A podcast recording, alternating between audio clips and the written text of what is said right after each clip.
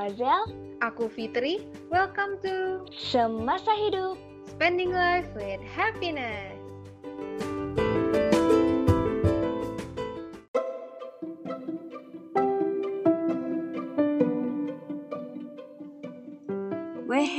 Gak kerasa nih kita udah bahas sosio emosi di perkembangan remaja. Wih, mantap. Perjalanan sudah semakin jauh, sobat hidup.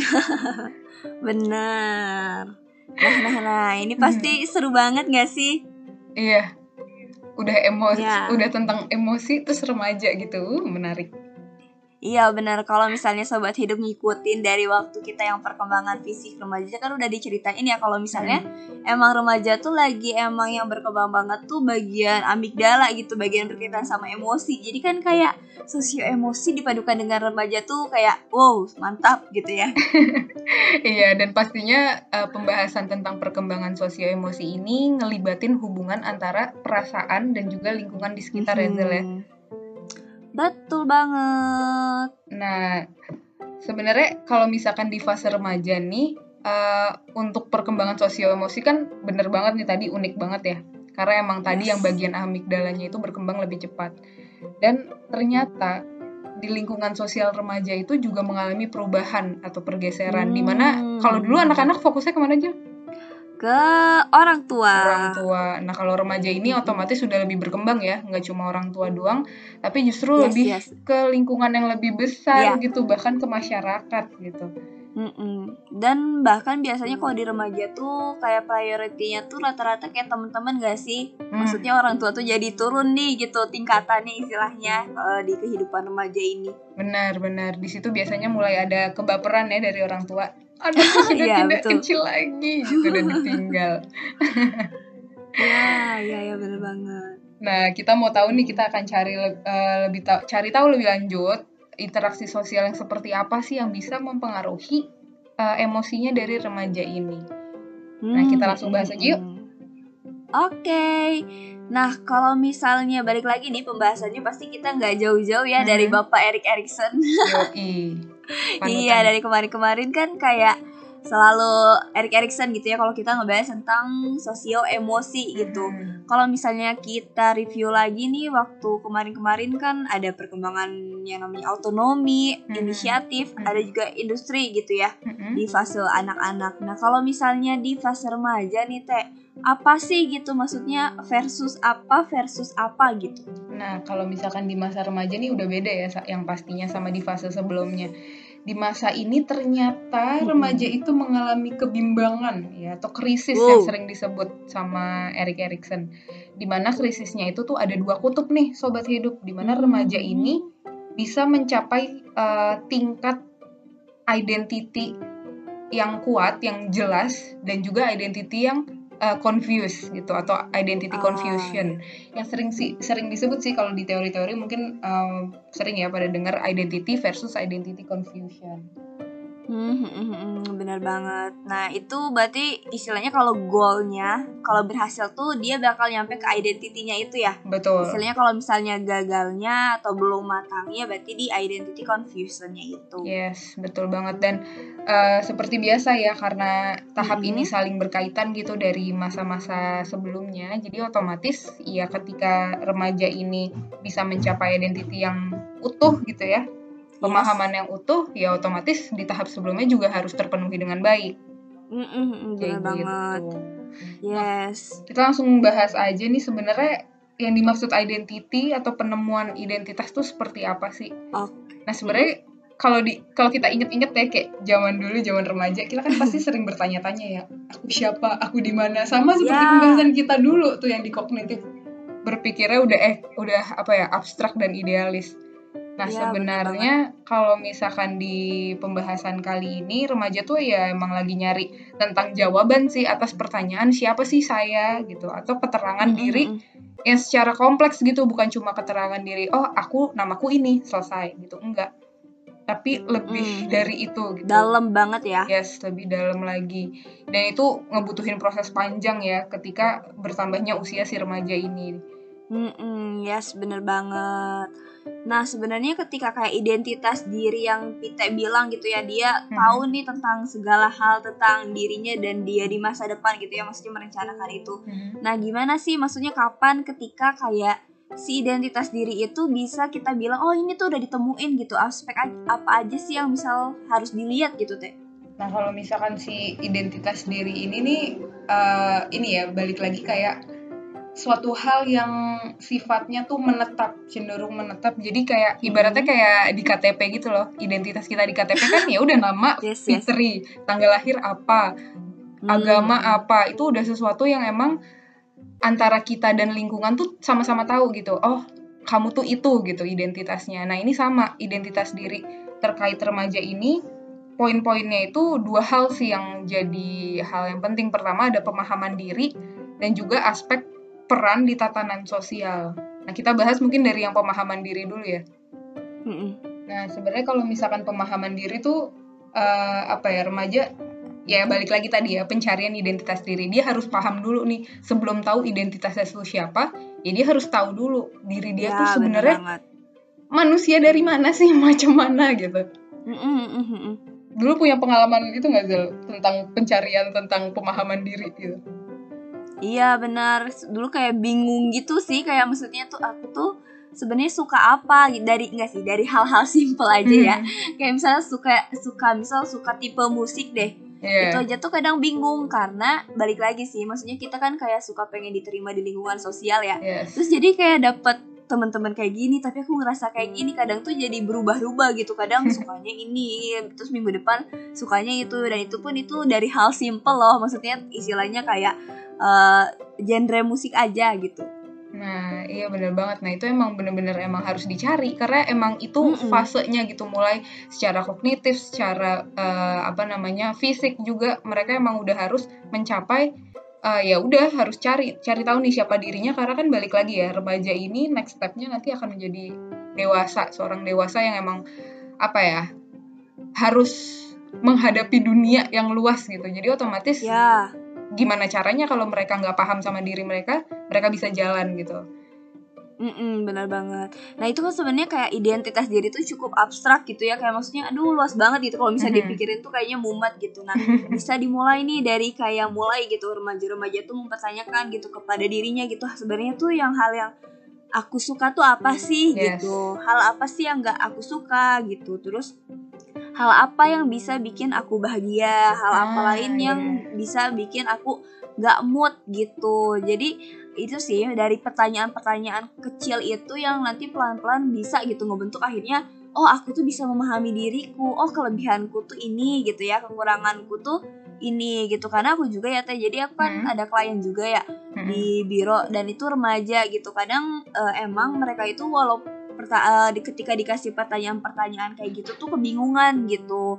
Di eh, misal ditanya mata pelajaran apa sih yang emang kamu sukai gitu yang kamu anggap mudah atau yang kamu anggap sulit. Nah di fase itu emang remaja itu biasanya agak kebingungan gitu Hmm. buat kayak ngejawab pertanyaan-pertanyaan itu. Tapi sebenarnya kalau misalnya kita secara rutin nyoba kayak mempertanyakan diri itu ke diri kita nanti mungkin pelan-pelan akan ketemu gitu ya. Sebenarnya tuh benang garis merahnya tuh kita tuh kayak gimana itu bakal mulai eh, cerah istilahnya tuh Yes. mulai clear Iya bener-bener setuju setuju banget sih karena ya aku pun dan Azel yakin kita sekarang udah di tahap yang eh, ya dewasa awal ya. Nah kita dulu pas remaja juga terus nyari gitu. Pas mulai dari SMP penemuannya sekian persen, terus nanti tiba-tiba apa berkembang beranjak lagi SMA jadi penemuannya lebih tinggi lagi. Nah itu terus Ya. berjalan sesuai dengan eh, perkembangan kehidupan gitu, tahap perkembangan kehidupan. Nah ini menarik sih karena bener banget kayak Hmm. hal-hal simple aja dulu dicari tahu mungkin dari misalkan kayak dulu aku sering banget kalau setiap tes psikologi Zel tes tes kepribadian gitu aku pasti ngulik aku pasti kayak cari tahu gitu aku baca aku bener-bener cari tahu dan itu bener-bener ngebantu gitu loh kayak oh ternyata aku nih orangnya seperti ini dan itu otomatis Mm-mm. akan ter apa ya tervalidasi gitu ketika di lingkungan Yes. Kayak misalkan teman-teman Hmm. bilang oh aku orangnya kayak gini oh aku orangnya kayak gitu itu ngebantu banget iya bener banget Iya, sehingga jadi lebih jelas gitu kayak oh aku tuh ternyata orangnya seperti ini loh.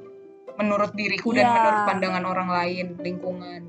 Iya benar, berarti bisa juga ya kita maksudnya kalau misalnya emang dari pertanyaan-pertanyaan tadi udah nyoba sendiri itu agak masih bingung, sebenarnya bisa juga pakai alternatif datang ke profesional gitu karena kan ke psikolog tuh bukan perihal ketika ini aja ya maksudnya ada gangguan aja tapi sebenarnya bisa ngebantu teman-teman buat kayak ngenalin diri teman-teman gitu entah itu dari konseling ataupun biasanya ada tes minat bakat gitu ya kalau untuk anak-anak SMP SMA gitu. Hmm, minat bakat kayak gitu ya. Yes, yes, setuju Yes, banget sih. betul. Nah, kalau itu kan terkait pemahaman diri ya Hmm. tadi. Kalau yang kedua itu ada peran di tatanan sosial gitu. Nah, kalau peran di tatanan sosial ini pasti perlu juga ya. Maksudnya kan kita selain kayak memahami diri kita, memahami diri kita maunya gimana, cuman kan kita secara nggak langsung ya emang hidup di lingkungan sosial gitu. Maksudnya ada norma-norma lingkungan yang harus dipenuhi juga gitu ada fungsi-fungsi dari masyarakat yang kita perlu nyesuain gak sih sama Iya. lingkungan gitu makanya kan kayak nggak bisa nih kita berdiri sendiri doang ngikutin yang kita mau tapi kita juga harus melihat seperti apa sih peran kita gitu di lingkungan sosial kita Yes, benar banget. Karena ya balik lagi tadi ya, ketika udah masa remaja, ya kebuka lingkungannya, udah bukan di situ-situ lagi. Mm-mm. Bahkan udah bisa mencapai di tingkat masyarakat gitu ya. Makanya kan eh, adanya Karang Ta- Karang Taruna, yang kayak gitu-gitu, itu kan emang difungsikan untuk itu ya. Makanya banyak banget kalau di SMA, SMA, SMP gitu udah mulai nih kegiatan-kegiatan yang berbau apa ya? Yang berbau melibatkan diri dengan lingkungan sosial tuh udah lebih banyak gitu. Karena memang itu yang dibutuhin.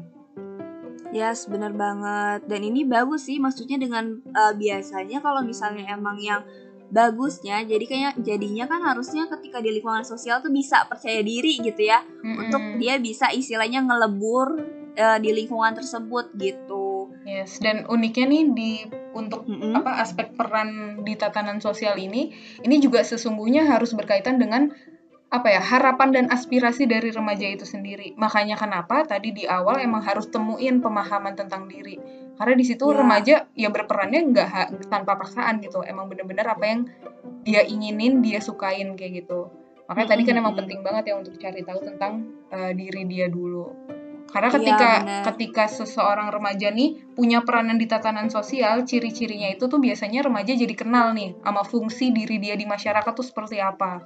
Terus Mm-mm, lebih eh, luas ya. mm-mm.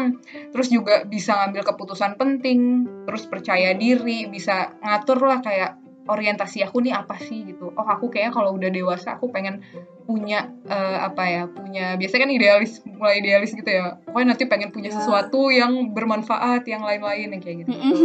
Itu dong itu biasa kayak gitu tuh udah ada orientasi-orientasi apa sih yang harus dilakuin dalam hidup ini kayak gitu terkait masa depan lah pokoknya Mm-mm. Jadi kedua hal itu dari tadi pemahaman diri sama peran di tatanan sosial itu emang dua-duanya harus terpenuhi dulu Yes. nih sebelum pada nantinya ini tuh akan membentuk gitu suatu status identitas gitu ya pada diri remaja itu. Nah, ya betul betul betul. Nah, ngomongin soal status identitas nih, ini juga sebenarnya adalah teori yang dikeluarin ya sama salah satu psikolog legendaris namanya James Marcia.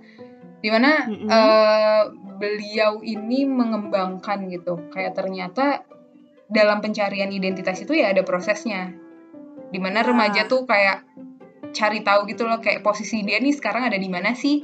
Hmm, berarti ini masih eh, ada ini ya, maksudnya dari status identitas ini tuh ada empat gitu ya, ada empat Mm-mm. tipe status. Tapi sebenarnya ketika remaja berpijak di status status di sta- satu status itu masih ada kemungkinan buat dia berpijak ke berkembang istilahnya ke Hmm. status yang lainnya gitu ya. Yes, betul banget. Nah, kalau mungkin supaya lebih mudah ya ngegambarin tentang si status ini, tadi kan ada empat tuh kata Azel bentuk statusnya. Nah, statusnya itu tuh sebenarnya dipengaruhi sama dua hal, sobat hidup. Yang pertama komitmen dan juga exploration. Nah, di sini nih eh, maksudnya apa? Jadi gini, kalau misalkan exploration itu kan otomatis gini ya, kalau kita seorang remaja nih mau tahu tentang gambaran diri dan juga peran di tatanan sosial, otomatis harus ngelakuin eksplorasi nggak sih? Ya, bener banget. kayak Iya, jadi nyoba-nyoba. kalau- mm, mm-mm. Gimana kita misal kita kan kayak suka musik gitu ya misal suka di bidang musik. Tapi Hmm. kalau misalnya kita belum nyoba-nyoba explore yang lain juga kan kayak itu nggak sekuat itu gitu. Misalnya taunya pasti kan harus Iya. coba-coba dulu gitu bi- buat bisa bilang aku tuh suka musik karena ketika aku nyoba ngegambar aku tuh kurang suka gitu kan. Pasti harus eksplorasi. Iya bener, nah di eksplorasi itu kan pasti juga selain nyari tahu ya suka atau enggak, ya otomatis kan juga kayak mereka nyadar nih kayak, oh ternyata gue jago banget nih di sini, lingkungan Ya. gue nih kayak suka nih sama kerjaan gue yang seperti ini, yang kayak gitu-gitu. Nah itu bener-bener emang dibutuhin ya eksplorasi untuk eh, mencoba ya segala hal lah untuk mencapai, oke eh, Fitri ini adalah seseorang yang eh, bisa kayak gini, kayak gitu. Nah, selain eksplorasi tadi ada satu lagi komitmen. Nah, komitmen ini ya komitmen ya. Jadi suatu bentuk eh, komitmen ketika si remaja ini tuh udah ngelakuin eksplorasi, ya udah akhirnya komit. Oke, aku akan eh, fokus di situ. Nah, ini nih seru banget. Dulu, ya Ini gak sih sering berubah-ubah nggak sih kalau kamu komitmennya di zaman remaja? iya iya bener ah tapi tuh pas lagi bilang berkomitmennya tuh kayak berapi-api gitu loh kayak Iya. oh aku pokoknya tuh ini aku mau jadi ini eh tapi nanti beberapa bulan kemudian berubah lagi tapi tetap berapi-api lagi pas berubah itu tuh Iya iya makanya itu. Nah makanya emang itu proses ya. Kita bilang di sini mungkin buat uh, teman-teman sobat hidup remaja nih yang lagi dengar ya emang itu sebuah proses gitu. Just nikmatin aja jalanin karena memang uh, seperti itu. Tapi yang penting tahu ya guideline-nya seperti apa. Jadi kayak gitu ada exploration dan juga Yes. komitmen nah dari kedua Mm-mm. aspek ini ternyata bisa dikombain-kombain ini. Ketika ada yang sudah melakukan eksplorasi uh, dan yang sudah melakukan komitmen tuh namanya ya. seperti apa. Nah itu Ah, ada empat ya. tipe tuh tadi. Apa aja sih Zal? Mm-mm. Nah, kalau misalnya kayak eksplorasinya rendah yang mana dia tuh nggak nyoba nyari gitu ya tentang apa sih yang pas untuk dirinya, apa yang mau dia lakukan.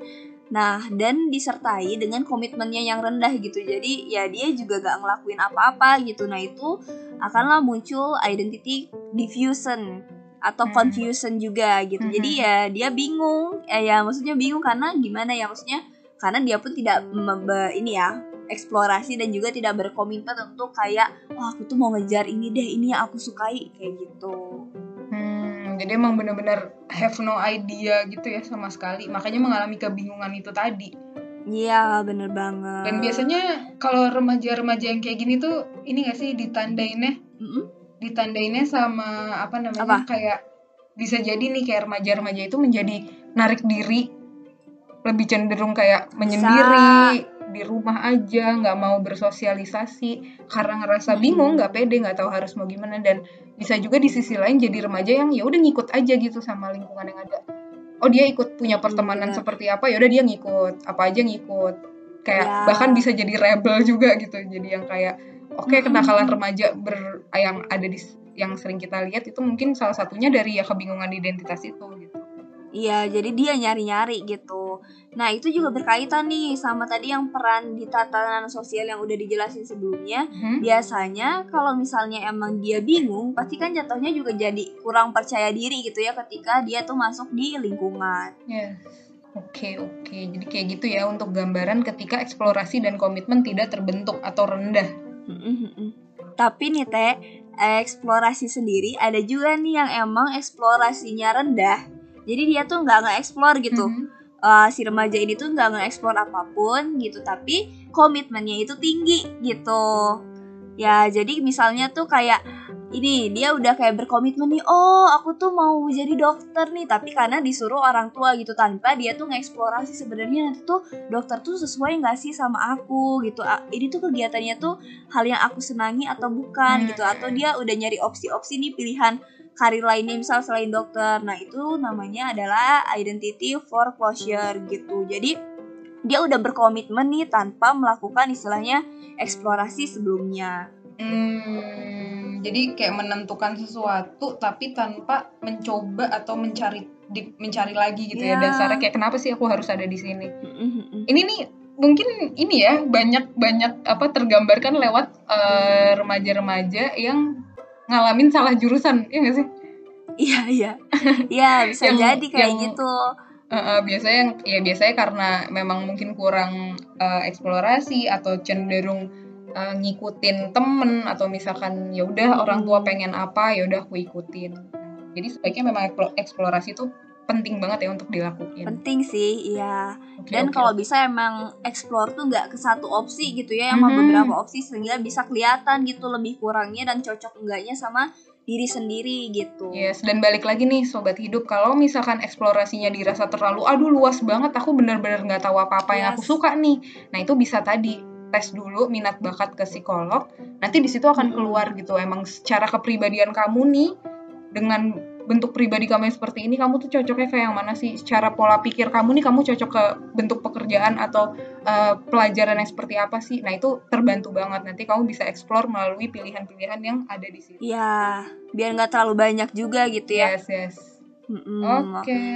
udah dua tuh ya statusnya Ya udah tua nih. Kalau tadi kan yang eksplorasinya rendah ya dua-duanya tuh kita bahas yang emang uh, anaknya remajanya kurang eksplorasi. Nah hmm. kalau misalnya yang eksplorasinya tinggi gimana nih Teh? Nah, kalau misalkan yang eksplorasinya tinggi nih, tapi komitmennya rendah, itu tuh uh, statusnya dinamakan moratorium. Jadi di mana hmm. uh, ya dia apa ya? Kayak nggak tahu nggak tahu mau komit ke mana tapi udah men mengeksplorasi banyak hal gitu. Jadi udah ngeksplor banyak tapi susah gitu buat komit jadi nggak nggak tahu gitu apa yang harus uh, apa namanya aku lakukan gitu. Nah ini kayak biasanya gambarannya gimana ya? Punya contohnya nggak Zel? Hmm.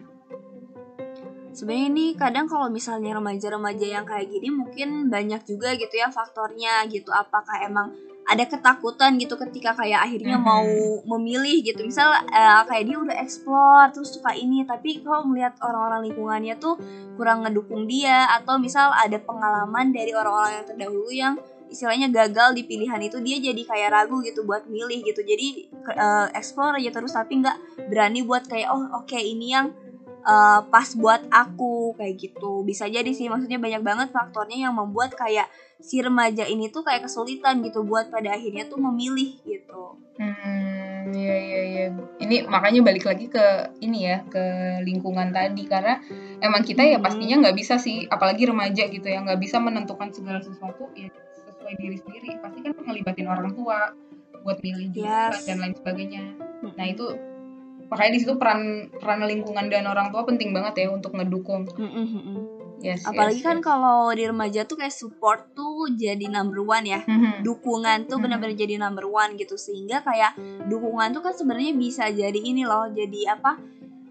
Jadi keyakinan remaja sendiri buat percaya diri. Oh oke okay, orang-orang ngedukung aku, berarti aku milih ini tuh nggak apa-apa gitu. Mm. Nah mungkin di remaja yang moratorium ini apa moratorium ini sorry guys. Nah, jadi itu uh, jadi kayak istilahnya mungkin ada salah satu faktor misal ada minim support minim support juga. Hmm yes yes yes yes. Setuju. Ini mirip sih sama kondisi aku dulu kayaknya. Iya iya iya. Karena aku ya? kalau aku sih alhamdulillahnya dari orang tua kayak ngebebasin aja sih. Cuman kadang bingung aja gitu kayak aku harus yang mana sih jadinya gitu karena bebas untuk memilih mm-hmm. nah makanya emang perlu sih perlu banget yeah. dukungan oke okay. nah mm-hmm. itu tadi ya kalau misalkan yang komitmennya itu uh, low atau rendah tapi eksplorasinya udah tinggi nah sekarang yang tinggi dua-duanya nih komitmennya tinggi wow. explorationnya juga tinggi nah ini yang dinamakan identity achievement atau ya tadi yang kita bahas ya penemuan identitas diri yang uh, baik di mana ya otomatis explore udah dapet tahu apa terus komitmen juga udah dilakuin jadi ya tahu aja gitu kayak dia nih mau ngelakuin apa sih untuk hidupnya Ya, yes, bener banget. Ini kayaknya ini ya ditandai dengan wajahnya berbinar-binar secara kasat mata nih. Karena tuh kayak ini gak sih? Kayak ngerasanya tuh, wah dunia milikku. Kayak aku ngerti nih, aku bakal ngejar ini dan aku bakal ngejar habis-habisan gitu. Karena aku udah explore dan aku udah komit. Hmm, ya, ya, ya. Nah biasanya jadi ya pastinya jauh lebih pede, lebih uh, yes. apa ya? Lebih bersemangat, lebih mm -hmm. lebih kontributif juga iya, ngasih di sosialnya. bener-bener yes yes itu sih yes tapi nggak perlu khawatir juga sih maksudnya ketika uh, sekarang mungkin teman-teman remaja bisa lihat nih dari empat status identitas tadi kira-kira sekarang lagi di posisi yang nomor berapa gitu kalau misalnya emang masih di posisi yang identity diffusion atau confusion itu bisa mulai nih kayak oh mulai explore atau mulai kayak coba uh, tadi tes minat bakat atau coba Mhm. komit sehingga itu sebenarnya masih bisa berpindah gitu ya untuk pada akhirnya bisa mencapai yang identity achievement itu. Yes, benar banget. Jadi eh, dengan taunya ini otomatis jadi tahu ya langkah selanjutnya nih dengan kondisiku seperti ini harus ngapain. Nah, di sini sebenarnya untuk identity sendiri tuh ternyata Mhm. ada banyak ini ya, banyak dimensinya gitu. Jadi eh, bukan berarti status ini tuh jadi apa ya, jadi satu patokan yang ada di diri remaja. Padahal sebenarnya maksudnya aspeknya banyak, dimensinya banyak. Maksudnya gini, contohnya kayak identitas itu kan penemuan tentang diri itu kan macam-macam ya.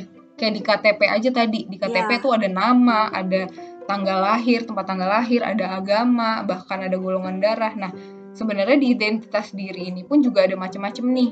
Misalnya mulai dari identitas cara eh, gender gitu. Mm-mm. Kayak oh aku nih eh, Nah. perempuan, perempuan yang seperti apa sih, yang kayak gimana sih? Yes, bener banget. Itu berkaitan sih sama ini kayak maskulinitas terus feminitas gitu. Itu berkaitan banget apakah aku perempuan yang emang sangat feminim banget atau kayak emang uh, tingkat feminimnya rata-rata itu kan dibentuk ya sama diri pribadi. Hmm, yes bener banget. Nah terus juga eh, selain identitas gender ada juga misalkan identitas terkait spiritual gitu tentang keyakinan. Nah jangan salah nih ternyata Yes. eh, apa ya kepercayaan agama itu juga masa kritikalnya juga ada di, di di masa remaja gitu. Mm-mm. Di mana ya pasti kan remaja juga Iya. udah mulai bertanya-tanya ya karena secara kognitif juga udah able to think abstrak gitu. Iya. Jadi kayak oh ya udah eh, Tuhanku nih sebenarnya siapa gimana atau Mm-mm. kayak apa sih aku beribadah dan lain sebagainya kepercayaannya dan kepercayaan itu nggak Iya. cuma agama doang ya tapi hal-hal lain juga Dan itu juga nanti eh, kayak ini juga maksudnya mengaruhi ke perilakunya gitu. Kayak misal emang sama-sama Islam tapi kan nanti identitasnya berbeda gitu. Aku tuh mau menjadi seorang Islam me- eh, muslimah atau muslim tuh yang seperti apa itu kan Mhm. beda-beda gitu. Itu pasti remaja tuh ada eh, fase untuk memikirkan itu sih kayak gitu. Mau seberapa dalam dia dalam identitas keagamaannya ini gitu. Hmm ya ya benar banget. Terus ada identitas apa lagi Zah? Nah, terus ada juga identitas seksual. Nah, kalau identitas seksual ini beda nih sama gender. Kalau tadi gender kan lebih ke kayak feminitas atau maskulinitasnya. Nah, kalau ini tuh lebih kayak gimana nih preferensi eh, kamu untuk menyukai seseorang gitu. Karena kan ya ada yang heteroseks- heteroseksual gitu, ada yang biseksual. Nah, makanya di masa remaja ini tuh fase-fase banyak juga gitu yang remaja mempertanyakan eh aku tuh sebenarnya ada ketertarikan sama sesama jenis gak sih kayak gitu-gitu jadi itu pemikirannya tuh udah kayak ke mana-mana gitu maksudnya sangat mengeksplor biasanya kalau di remaja ini gitu Hmm, ya, ya, ya. Dan maksudnya emang ini semua berkait ya. Makanya tadi di awal kita sempat ngomong bahwa pencarian identitas ini tuh emang secara kompleks gitu. Jadi udah dari ada beberapa poin atau dimensi tadi itu nanti akan tercombine menjadi satu ya. Fitri ini siapa? Azel ini siapa? Diri dia. gitu. Ih, yes banget. bener banget mm. nah gak lupa juga sih pasti juga berkaitan sama adanya identitas pribadi gitu Hmm. kalau identitas pribadi itu ini tuh emang bener-bener karakteristik unik gitu yang ngebedain remaja yang satu dengan remaja yang lainnya gitu. Jadi nggak berkaitan sama agama nggak berkaitan sama preferensi seksual tapi kayak bener-bener unik kamu tuh sebenarnya apa nih gitu atau siapa nih yang maksudnya poin-poin apa yang kamu tonjolkan dalam dirimu? Hmm, aduh kok seru ya. iya Iya, iya, banyak iya. kan sebenarnya kayak aspeknya gitu cuman kan emang biasanya kadang kita luput ya gitu kalau Hmm. misalnya nggak secara sadar kita sadar gitu bahwa oh ternyata ada banyak dan ada satu lagi sih jadi kayak identitas etnis atau nasional jadi karena sadar nggak sadar kita tuh terpengaruhi gitu sama status kita oh Pite tuh orang eh, ada Arabnya gitu kan terus aku tuh eh, di Sunda dan itu tuh Mhm. berpengaruh banget sama nantinya nilai-nilai nggak sih yang kita pegang gitu sebagai diri kita individu Yes, benar banget. Karena ya emang balik lagi ya, maksudnya kayak budaya tuh mempengaruhi gimana cara kita berperilaku dan hidup gitu. Dan nanti juga akan pada akhirnya balik lagi nih eh, respon kita, perilaku kita ini bisa berperan apa sih di lingkungan itu. Jadi emang Yes. muter aja gitu dan ya itu perlu penemuan identitas dari etnis itu tadi. Mm-mm, bener semangat teman-teman remaja mungkin emang kalau misalnya kita ngelihat identitas tuh kayak uh, pusing gitu ya. Tapi kalau misalnya di tadi ya kita breakdown gitu. Jadi oh ada pribadi ada gender dan sebagainya. Harapannya bisa ini ya. Maksudnya membantu teman-teman remaja nih untuk berproses sehingga pada akhirnya bisa mencapai nih yang namanya identity achievement itu. Yes. Wah seru banget. Jadi kayak gitu ya gambarannya. Menarik sih. Semangat ya untuk sobat hidup semua mungkin yang punya saudara atau misalkan sepupu atau apa pun lah yang masih di tahap remaja bisa banget nih untuk kasih tahu tips-tipsnya atau gambarannya supaya lebih matang lagi nih dalam menjalani kehidupannya. Setuju. Oke okay. Nah, kayaknya udah cukup ya Zel untuk pembahasan yes. kita pada hari ini. Semoga bermanfaat. Kita pamit dulu. Wah, ini pamitan di akhir season ya berarti. iya, sampai ketemu di season selanjutnya di perkembangan dewasa. Alright, see you sobat hidup. Bye.